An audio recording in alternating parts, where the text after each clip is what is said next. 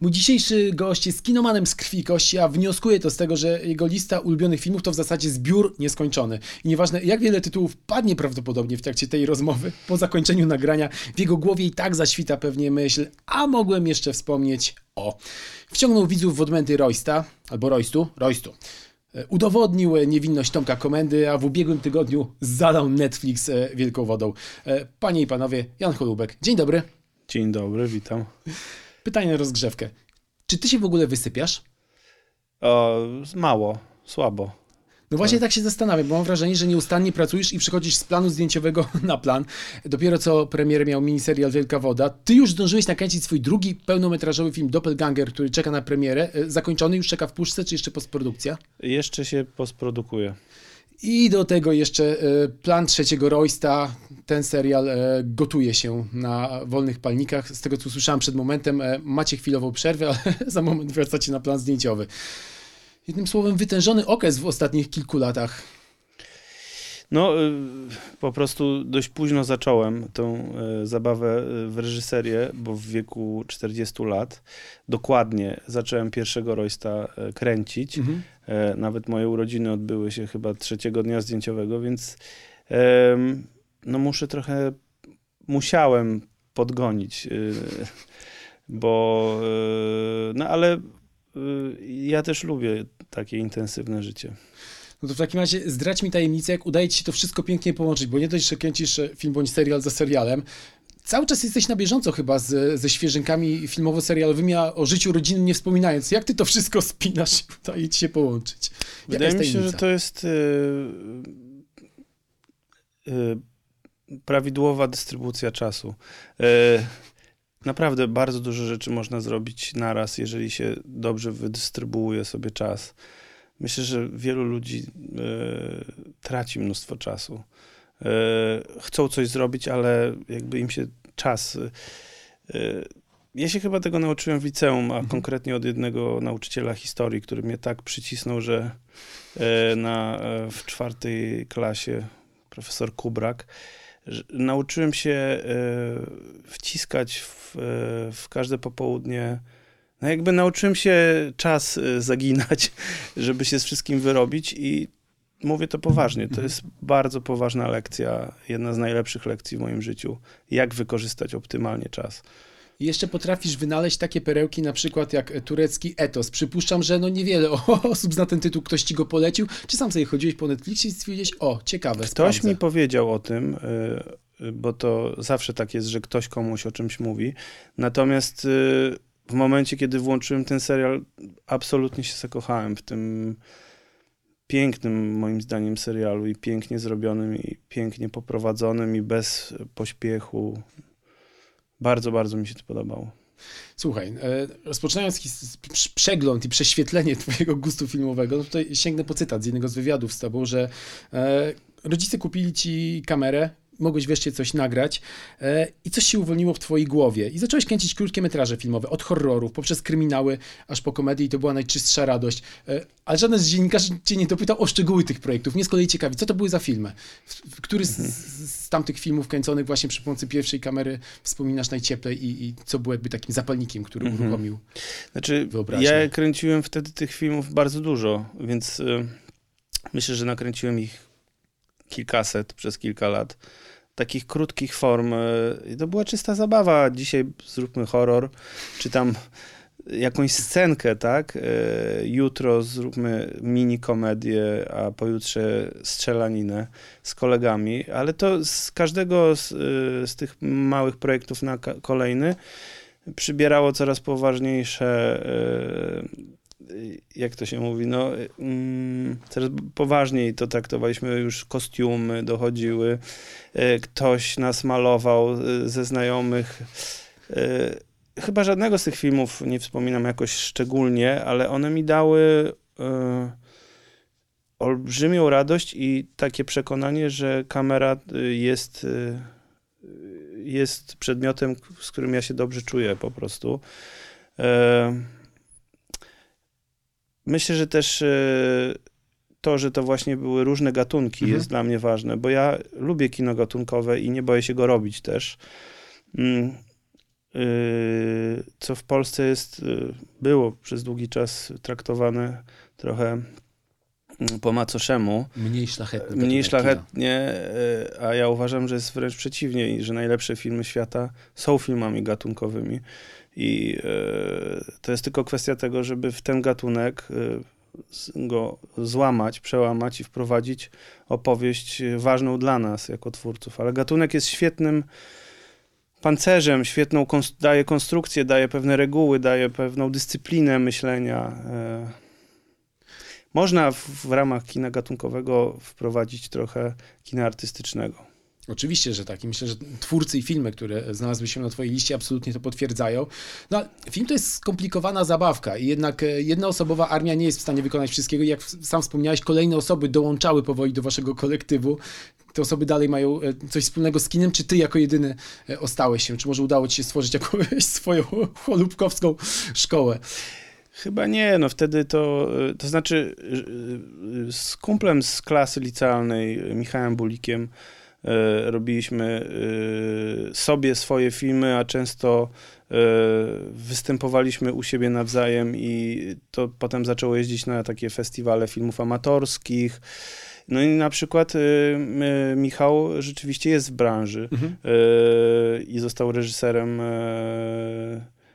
dużo wcześniej niż ja, więc a, a ja jako operator robiłem z nim przez wiele lat zawodowe, profesjonalne projekty, więc trochę tak jest, no, bo to było tak, że myśmy w liceum mieli e, kółko filmowe, mhm. które prowadził Józef Gębski, bardzo dobry e, dokumentalista, ale też zrobił e, kilka fabuł i on nas tak naprawdę dużo nauczył, zaraził entuzjazmem, no i też mnie osobiście mhm. przygotował do egzaminu do szkoły filmowej, który zdałem pomógł mi zrobić teczkę, wskazał palcem, co jest ok, a co nie.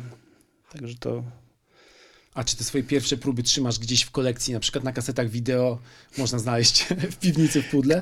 Y, no niestety niewiele się z tego stało i to tak naprawdę moi znajomi mają jakieś takie skrawki tego, ja tego nie mam. Mhm. Gdzieś niestety te kasety wideo poginęły w tak zwanym międzyczasie, a było tego naprawdę multum i to były zabawne filmiki, ale myśmy je robili z wielką pasją, montowaliśmy, udźwiękawialiśmy, także e, na przykład e, pewien dryg do montażu, mhm. który ja osobiście mam i kocham e, montować, być w montażowni, mam z tamtego czasu, po prostu mnie to montowanie filmu jest dla mnie magicznym e, momentem, e, kiedy te wszystkie klocki, pojedyncze ujęcia układają się już w konstrukcje większe i tak dalej. No tak, to chyba Kieślowski powiedział, że film w zasadzie powstaje trzy razy. Najpierw na stronach scenariusza, potem na planie, potem po raz trzeci w montażowym. Absolutna zgoda, absolutna zgoda.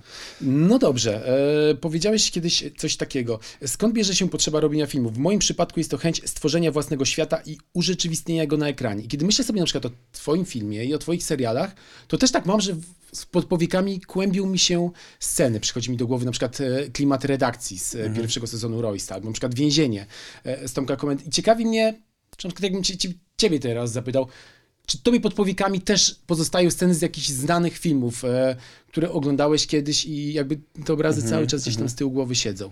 No jasne, no ja, y, ja myślę, że w ogóle y, w moim odczuciu najważniejsze w, y, to, co musi być w filmie czy w serialu, to jest świat. -hmm. I nawet stawiam to ponad fabułę czy postaci. To oczywiście to wszystko jest mega ważne, -hmm. ale jak nie ma świata, a świat to jest pewien zapach, pewna atmosfera, pewien kolor. Y, to jest to jest to otoczenie, które powoduje, że widz chce to oglądać dalej. Y, moim zdaniem świat, tak zwany mhm. świat, który my tam kreujemy razem ze scenografem, kostiumografem, y, charakteryzatorem, operatorem i tak dalej. Ten świat, jeżeli on jest spójny i w jakiś sposób atrakcyjny i, i mój, mhm. w tym sensie, że ja go sobie wyobraziłem i go przedstawiam, jeżeli to jest czynnik, który powoduje, że ludzie coś oglądają lub nie. Ja, ja przynajmniej oglądam inne rzeczy z powodu świata. Mhm. Jeżeli nawet jest super ciekawa historia, ale nie ma świata, to ona mnie nie obchodzi. Czyli lubisz imersję w kinie, macie wciągnąć tak. ekran. No tak, ale no myślę, że wszyscy ci y, reżyserzy, których, których kochamy, właśnie mają wizję najpierw tego świata i ta wizja wyziera z ekranu. Właśnie o, chodzi mi o wizję, mhm. że świat jest wcześniej y, stworzony, jakby powstaje w głowie, przela, przelany jest na papier i ci wszyscy współpracownicy wyczuwają, y, już w słowie znajdują klucz do tego świata, w słowie pisanym. I, y, no i potem powstaje coś, coś co ma świat lub nie. Denis Villeneuve chyba jest teraz takim reżyserem, który rzeczywiście kreuje filmowy świat. No Duna moim zdaniem była takim e, no, doświadczeniem, że historia historią, w porównaniu zwłaszcza z książką, natomiast świat absolutnie e, wchłaniał widza bez reszty. E, powiedziałeś coś takiego, że wychowywałeś się na popularnych filmach kinowych i na milionie kaset wideo z wypożyczalni, więc chciałem ci zapytać o to wspomnienie właśnie, wypożyczalni kaset wideo. Czy miałeś jakieś takie swoje miejsce, swoją świątynię dziesiątej muzyki? E, no to te wypożyczalnie na Mokotowie w Warszawie w latach 90. wykwitły właściwie na każdym rogu. Y, na pewno jedna była w kinie Iluzjon w ogóle, y, tam gdzie teraz y, jest wejście od no po prostu ta część kina, gdzie jest wejście w ogóle, nie w tej rotundzie, tylko z boku, była mhm. oddzielnym pomieszczeniem, gdzie była wypożyczalnia duża. No, ale też na rogu, tam na, w mm, kwiatowej. No, nie będę tutaj nudził, ale generalnie no, lata 90. to jest moment wybuchu po prostu y, dystrybucji y, kina z całego świata po latach komuny, kiedy do kin trafiały filmy tylko niektóre i z dużym opóźnieniem, czasami dwa lata, trzy lata po premierze na świecie i to już jakaś 60. zjechana kopia nagle y, pojawiają się wypożyczalnie wideo, w ogóle się otwiera dystrybucja też kinowa i wszystko, co jest na zachodzie, w, y, nagle pojawia się w Polsce i ja byłem tego, doświadczyłem jako 12-13-latek, czyli w momencie, kiedy właśnie zaczyna się okres najintensywniejszego chodzenia do kina, na wszystko. Mhm. Y, no więc no ja jestem człowiekiem wychowanym na papce w ogóle, między kinem artystycznym, które też oglądałem, Mama mnie zabierała na warszawski festiwal filmowy, który był w kinie Iluzjon, które było wtedy kinem Stolica i to było, ja tam mieszkałem na mhm. skwerku, więc y, trochę liznąłem dobrego kina jako dzieciak, ale głównie chodziło o kino, wiadomo, no, Terminator i... Schwarzenegger, Tak, tak no wiadomo, to na co wszyscy... Dokładnie, no i ja nie, w ogóle nie, nie kryję się z tym, że jeżeli ktoś widzi w moich filmach y, jednak pewną czy w serialach jednak e, duży ukłon w stronę widowni i tego, że to ma być po prostu dla ludzi i e, ma być komunikatywne z widzem głównie, to to nie jest przypadek. Ja po prostu najbardziej kocham takie kino. A miałeś jakichś swoich filmowych idoli na plakatach w pokoju? Miałem. Miałem plakat e, Unforgiven na pewno nad łóżkiem. W ogóle ten film był dla mnie w, w 94 roku się pojawił, nie pamiętam. To taki poważny już strzał no bez tak, przebaczenia. No ale wspaniały film. E, miałem, miałem, miałem, ale teraz nie pomnę, ale na pewno Unforgiven wisiało nad moim łóżkiem.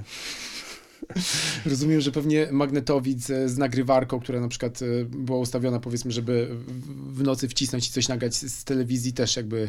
No ja, ja miałem dwa magnetowidy, bo montowałem e, swoje filmy Y, rozumiesz, że materiał podający z jednego, Aha. a w drugim kaseta odbierająca i montaż na zasadzie, że musisz trafić w klatkę, że puszczasz pauzę z rek i to ujęcie odtąd dotąd i wiesz, można się raz pomylić, dwa, a potem już ta kaseta zaczyna być zajechana. A jak wyglądał udźwiękowienie w takim razie? Y, był taki system potem w magnetofidach insert, że mhm. można było winsertować dźwięk y, w zmontowany już materiał. Niesamowita technologia, jak na tamten czas. Jakim ty w ogóle jesteś widzem? Jesteś, czy inaczej, czy masz wrażenie, że na przykład z wiekiem stajesz się coraz bardziej wymagający i na przykład jeżeli pierwsze 15 minut absolutnie cię nie porywa, to wyłączasz, bo nie chcesz tracić czasu, czy jak już coś zaczynasz, to twardo Nie, nie, nie. Ja, jak mnie wciągnie, to taka, jak nie, to wyłączam, ale ja jestem chyba widzem y, dosyć prostym w tym sensie, że ja też um, e, lubię kino komunikatywne, e, jakby chyba bardziej mi zależy na zrozumieniu mhm. e, bohaterów i historii niż na tym, żeby ktoś mi mydlił oczy artystycznym artystyczną wizją, która, jeżeli ona jest niekomunikatywna, ja momentalnie to wyczuwam i wyłączam. To znaczy, ja w ogóle lubię kino, które opowiada historię po prostu. E, może to nie jest nic szczególnego, bo każdy to lubi, ale jednak e, wielu ludzi nie opowiada historii z jakiegoś powodu, tylko coś innego opowiada o sobie. Nie interesuje mnie to. Słowem, autoterapia przy pomocy kamery filmowej nie jest absolutnie tym, czego szukasz. Ja nigdy no, nie opowiadam w swoich rzeczach o sobie. W sensie yy, wiadomo, że gdzieś tam przez te postaci my yy, się pojawiamy, mhm. ale wydaje mi się, że chyba nie ma co widzom zabierać czasu cennego z ich życia na opowieściach o sobie. Trzeba opowiadać o ciekawych bohaterach, ciekawych historiach. A to jest wbrew pozorom najtrudniejsze. Opowiedzieć dobrą historię, która przykuje widza do ekranu przez dwie godziny, albo w przypadku serialu na przykład sześć. przez sześć. Jak no. w przypadku Wielkiej Wody. A masz poczucie, że na przykład z wiekiem zaczynasz czegoś innego szukać w kinie? Trochę już jakby wspomniałeś o tym. Tak, tak. Ja... Y no, chciałbym, nie chciałbym ugrzęznąć w jednym jakimś gatunku, dlatego no, Wielka Woda jest zmianą, bo jest gatunkowo filmem katastroficznym, czy serialem katastroficznym, czymś chyba nowym u nas. Ale dla mnie jest to też niezwykle obyczajowa mhm. sprawa. Mhm. Po prostu obyczajowa opowieść, która bardzo mi się z tego powodu podobała. I no, że tak powiem, kryminał już miałem na chwilę go dosyć. E, Doppelganger jest e, z kolei, no wydaje mi się, bardzo mocno psychologicznym filmem. E, rzeczywiście w skorupce filmu szpiegowskiego, co jest też super, ale jest tam miejsce i wyłom na to, żeby opowiedzieć coś o więcej o mm, no, psychologii człowieka, który przez całe życie udaje kogoś innego. Więc bardzo ciekawy moim zdaniem temat. To jest też ciekawe, bo na liście swoich ulubionych filmów umieściłeś taki film Konformista. I chciałem się zapytać, czy w jakiś sposób Doppelganger być może e, będzie hołdem, albo konformista był inspiracją dla ciebie, bo wydaje mi się, że jakby te dwie fabuły, mhm. można by znaleźć jakieś punkty styczne. Myślę, że można i konformista, ja widziałem konformistę y, kilkukrotnie jako student szkoły filmowej. Był to film, który robił na mnie kolosalne wrażenie. Nie, w żaden sposób y, Doppelganger nie, nie, nie cytuje tego filmu, mhm. ale jest to opowieść o, o kimś, kto y, po prostu y, w imię ideologii nagle zaczyna krzywdzić innych i, i, i jest tu styczny punkt, też zresztą jak z, z panem Replayem, mhm. który też ten film uwielbiam. E, A tożsamość Borna? Też jakieś może punkty uwielbiam. styczne będą? Nie, aha, tak, no tam jakieś tak. Będzie ale... dobra scena akcji? E, coś tam jest, ale to nie jest taki film, e, to nie jest James Bond, gdzie jeżdżą motocyklami po dachach i się gonią. jest bardziej kino dramat psychologiczny, tak bym to chyba ujął. No i twój kolejny film z Andrzejem Gołdą, co pokazuje, że lubisz budować wokół siebie grono współpracowników, e, z którymi nadajesz chyba na podobnych falach. Tak było, tak jest z Kasprem Bajonem, no mhm. i tutaj Andrzej Gołda po raz drugi jako scenarzysta. No Andrzej po prostu y, jest bardzo płodny i podrzuca dużo pomysłów i y, akurat y, ta historia, którą podrzucił, zawarta w Doppelgangerze, bardzo, bardzo, bardzo mi się spodobała i e, no i potem żeśmy to rozwijali e, wspólnie przez kilka miesięcy. Mhm. Gdybym zadał ci pytanie o twój jeden ulubiony film, to pewnie byłoby to Mission Impossible, natomiast e, inne pytanie... Ale to być... nie byłby ten film. może byłby, zadam może troszeczkę prostsze. Czy jest film, który widziałeś najwięcej razy w życiu? Taki, do którego uwielbiasz wracać? No, chyba nie. No znaczy, ja lubię w ogóle kino sensacyjne. Mhm. Więc ja, jeżeli wracam do jakichś filmów, to, to są na ogół lekkie filmy. Do ciężkich filmów mm, nie wracam. Raz obejrzę, może dwa. No nie wiem, na przykład mm, Syn Szawła, tak? Mhm. To jest film, który mnie absolutnie y, poraził, ale to nie jest film, który mógłbym obejrzeć drugi czy trzeci raz. Y, nie wiem też, czy mój film 25 lat niewinności jest film na oglądanie go drugi raz. Raczej nie. Y, w sensie takim, że to jest to nie jest kino, na którym można się zrelaksować, czy... Więc jeżeli ja do czegoś wracam drugi raz, to to, to jest na ogół kino American Gangster albo, wiesz, Tożsamość Borna, czy cała trylogia, którą bardzo lubię. Uważam, że Greengrass zrobił świet, świetną robotę. Mhm. Y, mm, jakby łam, łamiąc, y, przełamując Bonda, w tym sensie, że zrobił żywego, żywego y, Potem Bond zaczął gonić Borna, znaczy w sensie zaczęła mu lecieć krew, zaczął. Yy, więc yy, yy, to są takie filmy, do których raczej wrócę. Y, Pan Ripley widziałem mm. ze cztery razy. Za każdym razem odkrywam coś nowego w tym filmie. To mnie, a to nie jest przecież kino jakieś strasznie y, skomplikowane. To jest po prostu świetnie opowiedziana historia o oszuście. Bardzo lubię ten film. Tak, no w przypadku tożsamości Borna przypominam z kolei, co napisał o tym filmie kiedyś e, Krzysztof Kłopotowski bodajże w recenzji, że e, tak by mógł wyglądać James Bond, gdyby nakręcił, nakręcił go Krzysztof Kieślowski. W zasadzie reżyser Doug Liman w przypadku pierwszej części e, nie czeka nigdy na Magic Hour, tylko kręci, kiedy jest na przykład mm. pochmurno, to bohaterowie nie wyglądają jak z żurnala, tylko raczej jak z e, second handu i to wszystko zaczyna pracować absolutnie na jakość tego filmu. Mm w ogóle patrząc na listę twoich ulubionych reżyserów, mam wrażenie, że po prostu ty lubisz gości ze starej szkoły. I gdybym miał jakiś taki konkretny etap w historii Hollywood e, wskazać, to byłoby pokolenie brodatych reżyserów, którzy pojawili się na e, przełomie lat 60. i 70. w Hollywood, czyli właśnie Scorsese, Coppola, e, Spielberg, Brian De Palma. Goście, którzy jakby wprowadzili zupełnie nowy język i pokazali, że można pokazywać inne tematy na ekranie, że to nie, nie muszą być muzykale, westerny, filmy mhm. z pompą, ale zadziorne, e, surowe, realistyczne kino. No może nie Spielberg, ale on też należy, trzymał się do tej paczki. Znaczy ja y, uważam do, Amery amerykańskie kino lat 70. za naprawdę gig gigant. Y, to jest dla mnie gigant. Y, ta cała, to, tych wszystkich ludzi, których wymieniłeś, to są wspaniałe filmy, na których ja się wychowałem, dlatego też E, może rzeczywiście trochę jestem retro w tym względzie, no ale każdy cofa się do tego czasu, który mhm. go ukształtował. E, no to mnie ukształtowało to kino i zawsze to podkreślam, że głównie amerykańskie. Znaczy, bo przecież kino w tym czasie było wspaniałe w wielu innych częściach świata i rosyjskie kino, i polskie kino, i czeskie kino troszeczkę w, wcześniej powiedzmy, no ale E, no ja jestem po prostu wychowany na amerykańskim kinie i też hołduję mu, no. Mhm.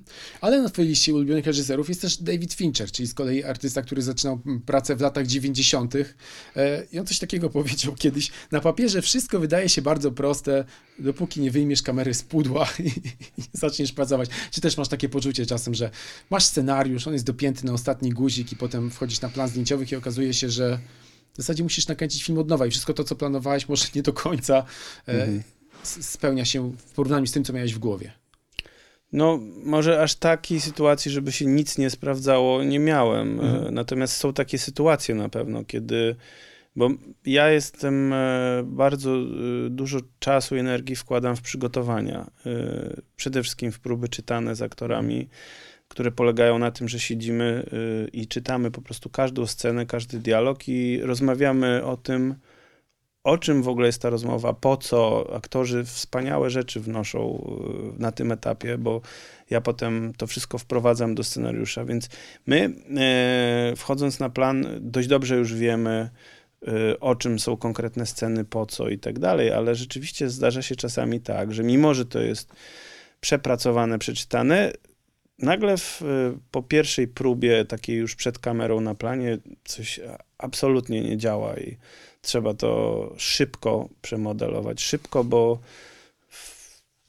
cały czas pracujemy jednak pod dużą presją czasu.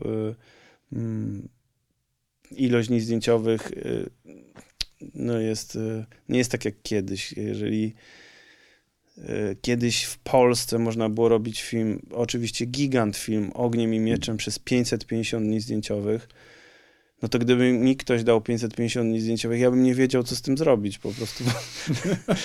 ja y, taką produkcję w dzisiejszych czasach, gdyby było może na to 100 dni, tak, to by był w ogóle mówię, że gdyby dzisiaj taki film powstał, to 100 dni, no to w ogóle wszyscy by pospadali z krzeseł. Także tak się zmieniło też e, tempo, w jakim my musimy pracować. A w serialu to już w ogóle jest jeszcze szybciej. A lubisz takie momenty kryzysowe, kiedy nagle emocje się kumulują i trzeba szybko podejmować decyzje, bo wszyscy czekają i z zegarkiem producent stoi, słuchaj, bo tutaj jeszcze dwie sceny trzeba zrobić. To, no to nikt chyba nie lubi takich momentów. Ale to czasem uaktywnia jakieś niespodziewane szufladki w głowie i świetne pomysły się rodzą. No wydaje mi się, że wiesz, e, generalnie w ogóle praca na planie jest e, do pewnego stopnia e, powinna być improwizacją, bardzo dobrze przygotowaną improwizacją. To znaczy, że y, mamy wszystko, tak jak mówię, przećwiczone, naczytane, narysowane, a mimo to trzeba mieć cały czas otwartą głowę na to, że by nagle coś zmienić i zrobić coś inaczej i tylko wtedy tak naprawdę jest prawdziwy y, fan zrobienia filmów, bo inaczej byłoby to po prostu strasznie nudne. Czyli można to w jakiś sposób trochę do jazzu porównać. Ja y, osobiście to w ogóle porównuję robienie Aha. filmów do jazzu. Dlatego, że jest temat, który wszyscy znają, muzycy, ale jest też miejsce na improwizację, zarówno y, wśród aktorów, jak i realizatorów. Dlaczego operator nagle nie miałby powiedzieć, ej, a zróbmy to jednak nie w efekcie dnia, tylko z mroku. Oczywiście, czy, a ja mam taki pomysł, żeby to było na czerwono, jakby chwila zastanowienia i jeżeli to, to jedziemy, no po prostu gramy teraz tak, no.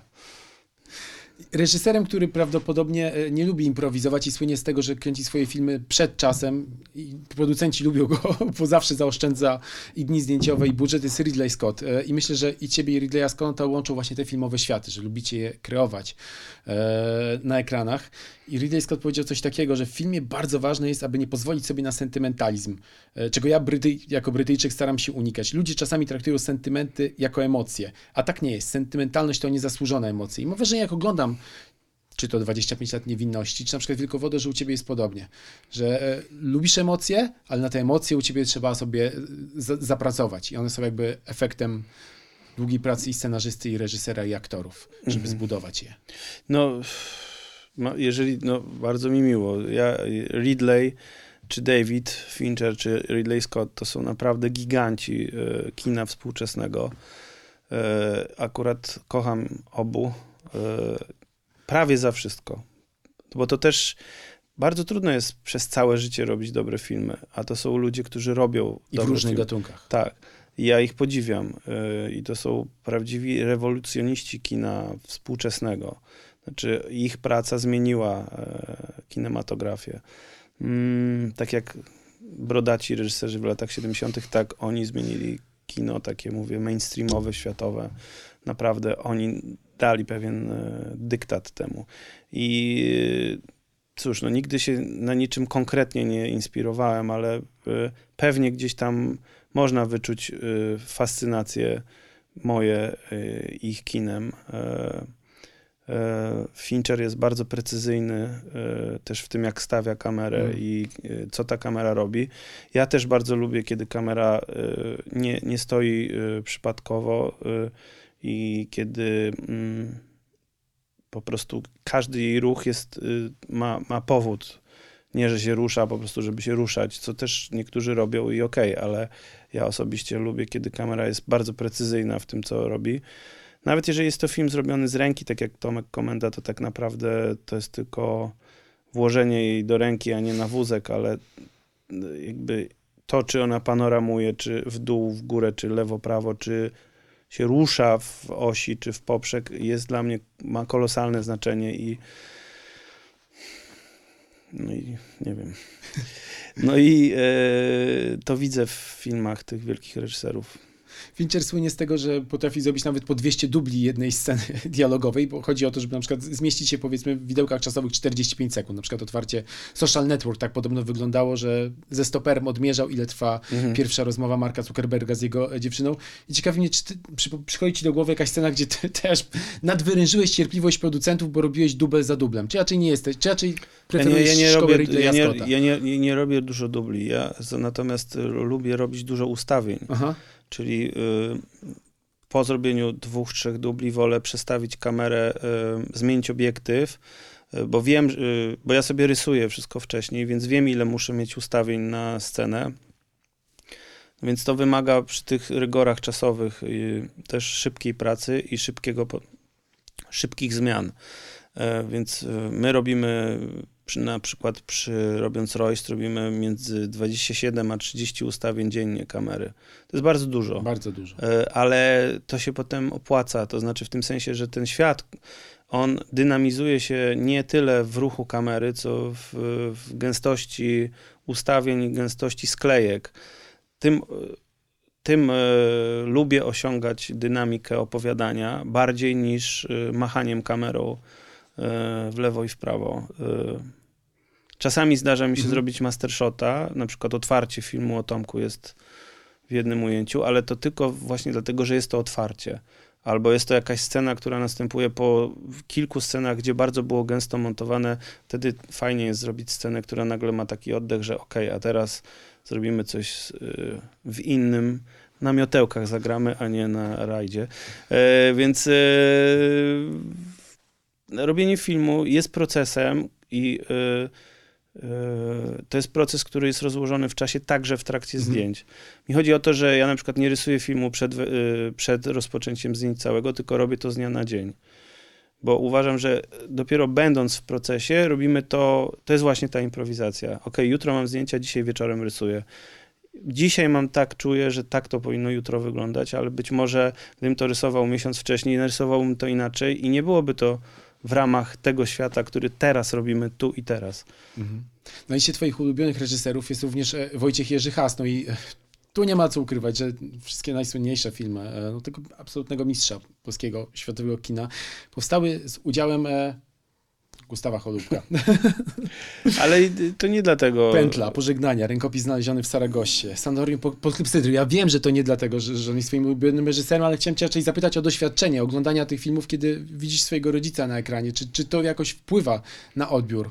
Nie, no jasne, to znaczy, jak byłem młodym chłopcem, e, zobaczyłem, w, w, ojciec siedział w pokoju obok e, i byli jeszcze jacyś e, goście, więc atmosfera była raczej radosna, a ja w pokoju obok e, w telewizji leciało Jezioro Bodeńskie i scena, w której mój ojciec ginie, spada z dachu i się zabija po prostu. No i ja jakby przeżyłem jako tam młody Dzieciak, lat, nie pamiętam, no ale mogłem mieć może z 10 lat, no nie wiem, no szok, nie? To można intensywnie. Tak, że zobaczyłem e, śmierć mojego ojca, który siedział obok w pokoju to, e, i się śmiał i nijak to nie, nie działa tak, że to udają, a, bo ja wiem, że tata siedzi obok. To jest, e, to było dla mnie bardzo wstrząsające. Ale wracając do Hasa, no to, to ja właśnie kocham jego filmy za świat, za wizję. Ja czuję, że to był wizjoner. I jeżeli ja w ogóle kocham jakichś reżyserów czy, yy, czy filmy, to za, za wizję, za ten świat. Bo yy, to jest tak samo jak e, książka dobra. Czy w ogóle opowieść, jakakolwiek opowieść, e, to nie tylko fabuła, to przede wszystkim e, jakby atmosfera Mhm. tego, tej opowieści. Skoro w takim razie mieliśmy wspomnienie z przeszłości, to ja chciałem zapytać cię o inne wspomnienie z przeszłości. E, Twoją pierwszą wizytę w kinie, pamiętasz? E, Nie wiem, która była pierwsza, bo właśnie przez fakt, że mieszkałem na placyku, gdzie jest kino Iluzjon, a wtedy to było kino Stolica, to byłem bardzo często w kinie. Mhm. Na pewno na jakichś porankach y, i tak dalej, y, ale jako pięciolatek, y, może byłem troszkę starszy, może sześciolatek, leciał na pewno Poltergeist.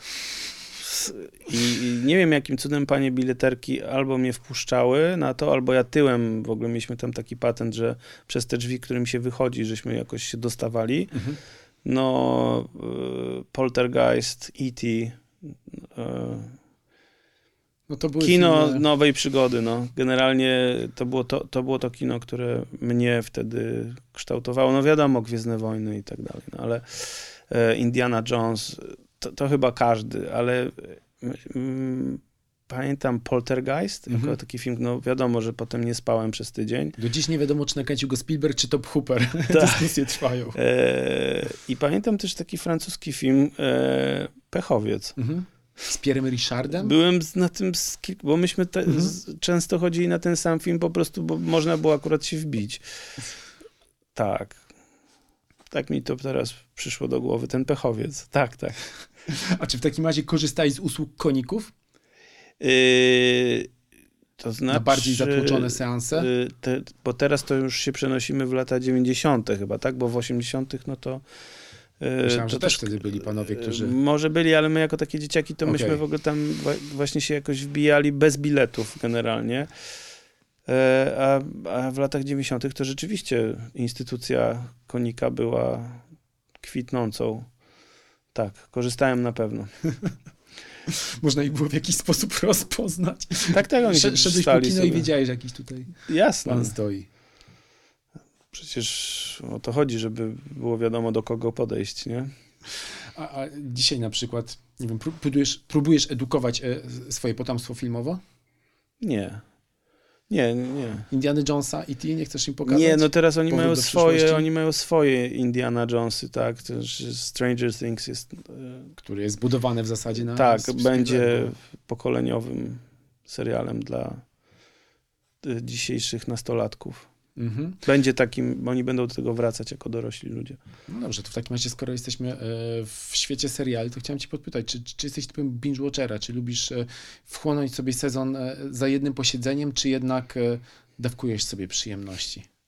To zależy, ile, ile mam czasu, a mam go mało, więc tak, żeby usiąść po prostu przez 6 godzin coś obejrzeć rzadko mi się zdarza, ale jak mnie coś wciągnie, to dość szybko to ogarniam, w 2-3 dni jak jestem chory, mhm. to wtedy no co robić?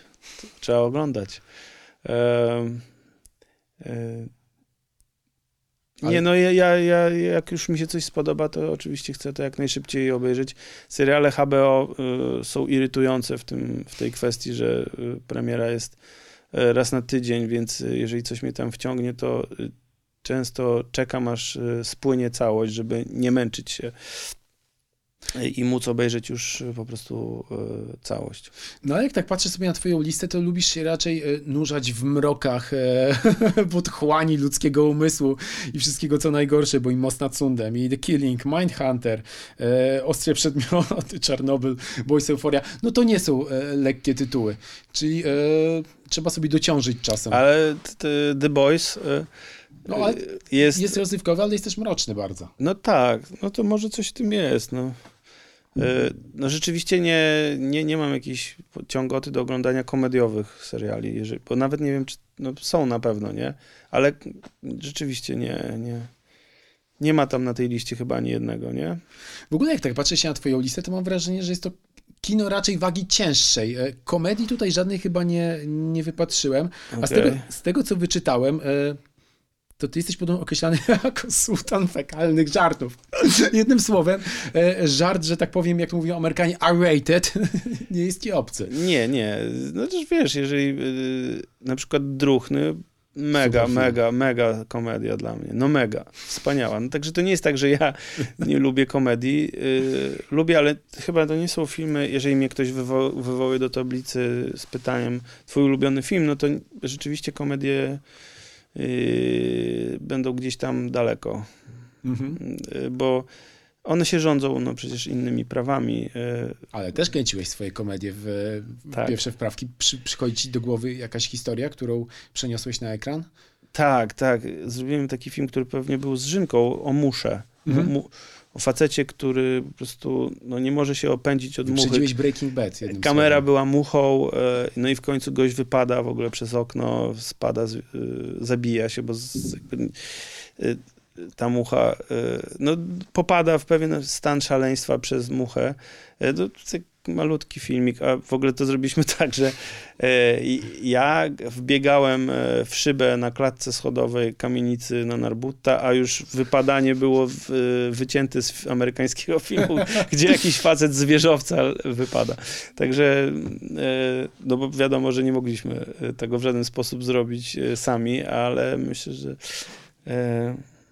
takie, taka zabawa kamerą to jest naprawdę, jeżeli to jest, no, nigdy się lepiej nie bawiłem w życiu jako y, dzieciak niczym. Tak bardzo żadne Lego, y, jak, jak właśnie w momencie, kiedy dostałem pierwszą kamerę, to Jeszcze bym pociągnął ten wątek tych pierwszych filmów. Coś, ty- tytuł, z którego jesteś szczególnie dumny na przykład po latach, jak myślisz sobie, że miałeś jakieś właśnie patenty operatorskie, których nikt ci nie nauczył, tylko sam na nie wpadłeś i potem na przykład w szkole filmowej odkrywałeś, że to się robi tak i tak, a ty zrobiłeś to samemu. Naprawdę żadnego tytułu konkretnie nie wymienię, bo to było tak dawno temu, że ja tych tytułów nie pamiętam. Natomiast ja myślę, że wtedy pewien mój język opowiadania y, mi się wytworzył i wcale się do dzisiaj szczególnie nie zmienił. Ja tylko po prostu nie umiałem tego jeszcze dobrze robić, ale e, pewien sposób opowiadania e, myślę, że już wtedy e, był e, tożsamy z, tym, który, którego używam dzisiaj. I on jest mój. Ja po prostu z nikogo staram się nie zgapiać, jak to się mówi. Nawet przed rozpoczęciem filmu staram się nic nie oglądać, bo jestem podatny po prostu. Wiem, że jestem podatny, e, więc e, staram się szukać e, w sobie e, z własnego języka, bo myślę, że e, reżyser filmowy jedyne tak naprawdę, czym może się odróżnić e, Mhm. na tle milionów produkcji, które powstają każdego dnia, to jest e, tylko i wyłącznie mm, własnym językiem, który też przecież nie Jest jakiś stworzony niewiadomy. w oparciu w zasadzie w o to, oparciu też się o tysiące rzeczy, jasne. które się oglądało, ale jednak jest jakimś ekstraktem własnym. I e, myślę, że to, co najcenniejsze mamy jako filmowcy, to instynkt, Mhm.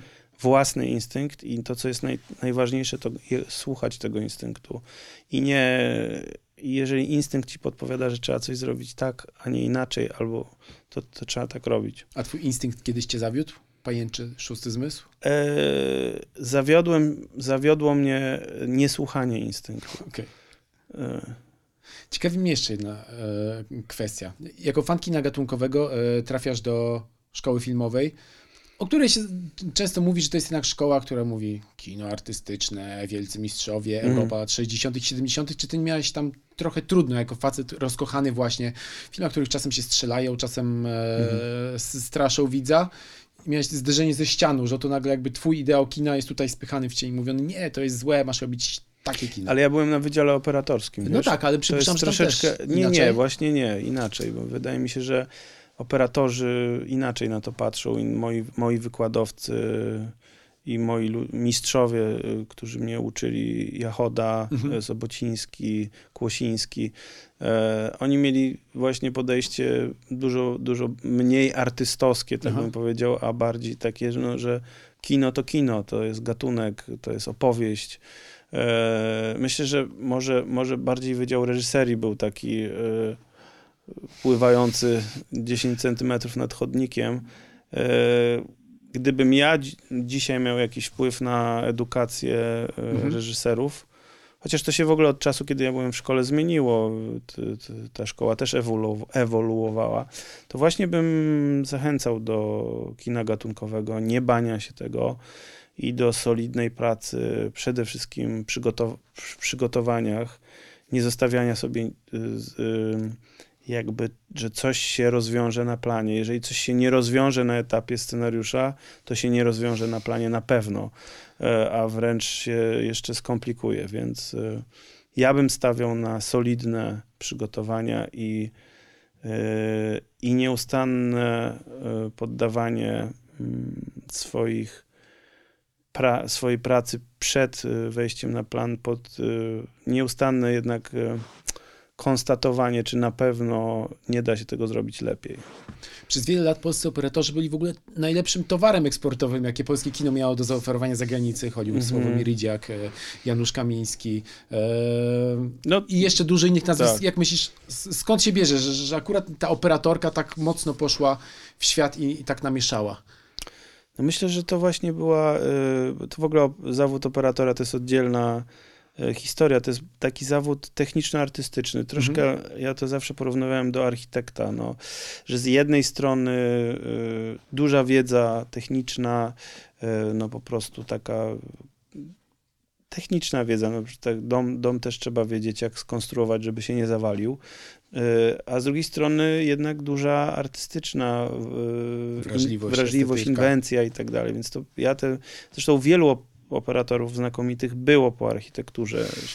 E, Po wojnie to pierwsze pokolenie, które zaczęło tworzyć polską szkołę operatorską, to byli często architekci, e, którzy po prostu nagle wpadali w świat filmu i stawali się operatorami. E, Skąd się to brało? No, wydaje mi się, że mm, no właśnie y, edukacja, y, jakby to pierwsze pokolenie, które y, kształciło następne, nadało dobry, tutaj mówię o Lipmanie, Mhm. tak, o, o takich e, e, Wol, Stanisław Wol. To byli ludzie, którzy ukształtowali pierwsze pokolenie e, operatorów takich, nowe pokolenie, które już wypłynęło w świat w latach 60., 70. Nie wiem skąd się to bierze. No po prostu jakoś ci polscy operatorzy mieli też, może to specyfika polskiej kinematografii, gdzie nie było takiego podziału wyraźnego, jak jest teraz nawet, że operator no, generalnie zajmuje się oświetlaniem. Jest e, to bardziej, że to było bardziej twórcza, wspólna praca. Operatorzy często e, brali na siebie obowiązki nie tylko własne, ale w ogóle e, inscenizacyjne.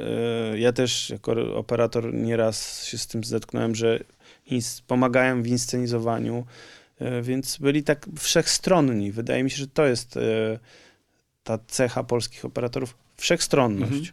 A ty myślisz, że byłbyś dobrym nauczycielem? O, nie wiem. nie, nie mam pojęcia.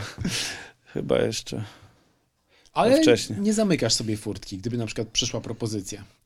Jadę w przyszłym tygodniu pierwszy raz do, do mojej szkoły filmowej w Łodzi. Zaproszony jestem na wydział aktorski, że y, zaprosił mnie Łukasz Maciejski, żebym pogadał sobie z trzecim i czwartym rokiem aktorów. Sam nie wiem, y, co z tego wyniknie, ale y, mm, myślę, że może coś mogę im ciekawego powiedzieć. Ten podcast nazywa się Mój ulubiony film, ale czasem mam wrażenie, że zamienia się w podcast Moje związki z, ze światem polskiego hip-hopu. E, Okej, parę person z- ze świata polskiego rapu już tutaj e, gościło. No okej. i co by nie patrzeć, w w twojej biografii również e, znajduje się taki wątek. 2014 rok. E, jesteś autorem zdjęć do no, wielkiego hitu zespołu Problem Tory Black. E, piosenkarz, można powiedzieć, pornograficzna w zasadzie, ale z teledyskiem, który odbija w zupełnie inną stronę, jeżeli chodzi o wizualizację. No i potem zespół Problem odwdzięcza ci się utworem Krzyk e, do twojego filmu m, Pocztówki z Republiki Absurdu. Jak narodziła się ta współpraca? Kto kogo poznał i kto chciał z kim współpracować? To znaczy, w ogóle był tam reżyser y, teledysku Kuba Bujas, Mhm. który mnie zaprosił do tego, żeby zrobić z nim e, krzyk. E, znaczy nie krzyk, tylko Tory Black. Mhm. E, I tak poznałem chłopaków.